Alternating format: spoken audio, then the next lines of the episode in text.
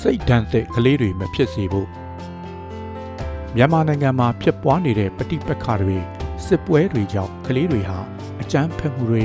သွေးထွက်တန်ယိုမြင်ကွင်းတွေကို ပုံစံအမျိုးမျိုးနဲ့နေ့စဉ်ထိတွေ့နေကြရပါတယ်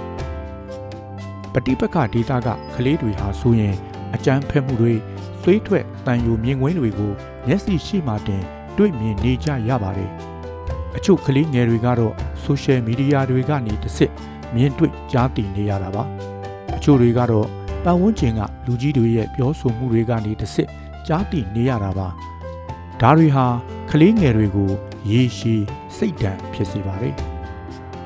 စစ်ပွဲပိုးကြလေးလေးစိတ်ဓာတ်ရာလက္ခဏာတွေပိုပြင်းထန်လေးလေးပါပဲစိတ်ဓာတ်တက်တဲ့ကလေးတွေမဖြစ်စေဖို့ဘာတွေလိုက်နာကြဖို့လိုမလဲဆိုတာတင်းဆက်ပေးလိုက်ရပါတယ်စိတ်ပိုင်းရုပ်ပိုင်းထိခိုက်မှု တိုက်ပွဲတွေပဋိပက္ခတွေအကြမ်းဖက်မှုတွေသွေးထွက်တန်ယိုတွေစတဲ့ဆိုးရွားတဲ့ဖြစ်ရပ်တွေကိုကြုံရကြားရတဲ့အခါမျိုးမှာကလေးတွေရဲ့စိတ်ပိုင်းဆိုင်ရာနဲ့ရုပ်ပိုင်းဆိုင်ရာကျန်းမာရေးတွေကိုထိခိုက်နိုင်ပါတယ်ဒီလိုဖြစ်ရပ်တွေကိုမြင်လိုက်တွေ့လိုက်တယ်ဒါမှမဟုတ်တစ်စစ်ကြားရတဲ့အခါမှာဆိုရင်စိုးရိမ်ပူပန်မှုတွေကြောက်စိတ်တွေဖြစ်ပေါ်စေပါတယ်အဲ့ဒါကနေတစ်စစ်စိတ်ဒဏ်ရာတက်စေတယ်စိတ်ဒဏ်ရာတက်တဲ့အခါမှာ စိတ်ကြခြင်းတွေစိုးရိမ်ပူပန်ခြင်းတွေဖြစ်ကြရတယ်ဒါရင်တင်မကဘဲနဲ့ပဋိပက္ခတွေရဲ့နောက်ဆက်တွဲဖြစ်တဲ့ကျန်းမာရေးစောင့်ရှောက်မှုမလုံလောက်တာအာဟာရပြေဝမှုမရရှိတာကောင်းမွန်တဲ့နေစရာမရှိတာလုံခြုံမှုမရှိတာတွေကြောင့်မို့ရုပ်ပိုင်းဆိုင်ရာကျန်းမာရေးထိခိုက်မှုတွေလည်းဖြစ်ပွားစေပါတယ်စိတ်ဒဏ်သစ်စေတဲ့အချက်တွေပဋိပက္ခဒေသတွေမှာစစ်ပေးရှောင်ကြရတဲ့ပြည်သူတွေမှာ အမိုးအကာတောက်သုံးရည်နဲ့အစားအစာမလုံလောက်တာတွေ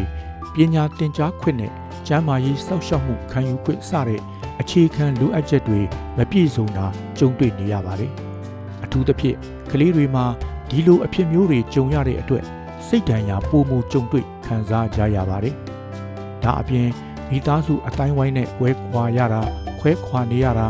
ကိုနဲ့မရင်ပါတဲ့နေရာတွေကိုရွှေ့ပြောင်းနေထိုင်ရတာ မိသားစုဝင်တွေဆုံးမတာတွေကြောင့်လဲစိတ်ဒဏ်ရာတွေရရှိစေပါတယ်။ဘယ်လိုကူစားကြမလဲအကြမ်းဖက်မှုတွေကို ပုံစံမျိုးမျိုးနဲ့ကြုံတွေ့နေရတဲ့ကလေးတွေမှာဖြစ်လာတဲ့စိတ်ဒဏ်ရာကို ကူစားကြဖို့ဆိုရင် လူကြီးတွေကအရေးကြီးပါတယ်။ဒါပေမဲ့မြန်မာနိုင်ငံမှာဖြစ်ပွားနေတဲ့ပဋိပက္ခတွေတိုက်ပွဲတွေနဲ့အထွေထွေအကြက်အတဲတွေကြောင့်လူကြီးတွေကိုယ်တိုင်မှလည်းစိတ်မွန်းကြက်မှုစိတ်ဖိစီးမှုစတဲ့ စိတ်ဒဏ်ရာတွေကြုံတွေ့နေကြရပါတယ်။ဒါကြောင့်ပထမဆုံးအနေနဲ့လူကြီးတွေကိုယ်တိုင်ကကိုယ့်ရဲ့စိတ်ဒဏ်ရာတွေကနေသက်သာစေမဲ့နီလန်းတွေရှာဖွေจิตသုံးကြဖို့လိုပါတယ်။ဒီလိုလှုပ်ဆောင်တဲ့နေရာမှာကလေးတွေကိုပြန်ပြီးအန်ဒီရဲ့မဖြစ်စေဖို့လိုအပ်ပါတယ်။မိဘကအရန်စိတ်ဖိစီးတဲ့အချိန်မှာထွက်ပေါက်အတွက်သားသမီးကိုအော်လိုက်တာအပြစ်တင်လိုက်တာဥပမာနေကြောက်ပူဒုက္ခရောက်ရတာဆိုတာမျိုးတွေက ကလေးတွေကိုစိတ်ဒဏ်ရာရစေလို့တတိထားရမှာပါမိဘတွေကဒီလိုဖြတ်တန်းနေရတဲ့အခက်အခဲတွေအကြောင်းကိုသားသမီးတွေကိုပြောလို့ရပါတယ်ဒါပေမဲ့ပြောတဲ့အချိန်မှာဒါတွေဟာသူ့ကြောင့်ဖြစ်တာမဟုတ်ဘူးဆိုတာရှင်းရှင်းလင်းလင်းပြောဖို့လိုပါတယ်ကိုယ့်ရဲ့ခံစားချက်ကိုပြောတဲ့နေရာမှာဒါတွေဟာသူ့ကြောင့်သူ့မှာတာဝန်ရှိတယ်ဆိုတာမျိုးကလေးတွေကိုမပြောဖို့လိုအပ်ပါတယ်ဘယ်လိုကူစားကြမလဲ ကလေးတွေကသူတို့ရဲ့စိတ်ခံစားချက်ကိုပြောပြနိုင်စွမ်းကလူကြီးတွေလောက်မဖို့ဖြူသေးပါဘူး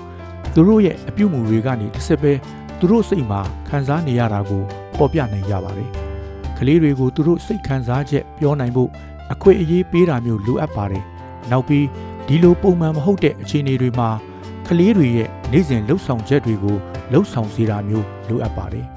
ဥပမာသူ့ရဲ့တဏိတာတကိုးကြီးတတ်ရှင်းမှုအတွက်လှုပ်ဆောင်မှုတွေ ဆော့ကစားခြင်းစားတင်ခြင်းစတဲ့ပုံမှန်နေ့စဉ်လှုပ်ရှားဆောင်ရွက်မှုတွေကိုလှုပ်ဆောင်စေဖို့လိုအပ်ပါတယ်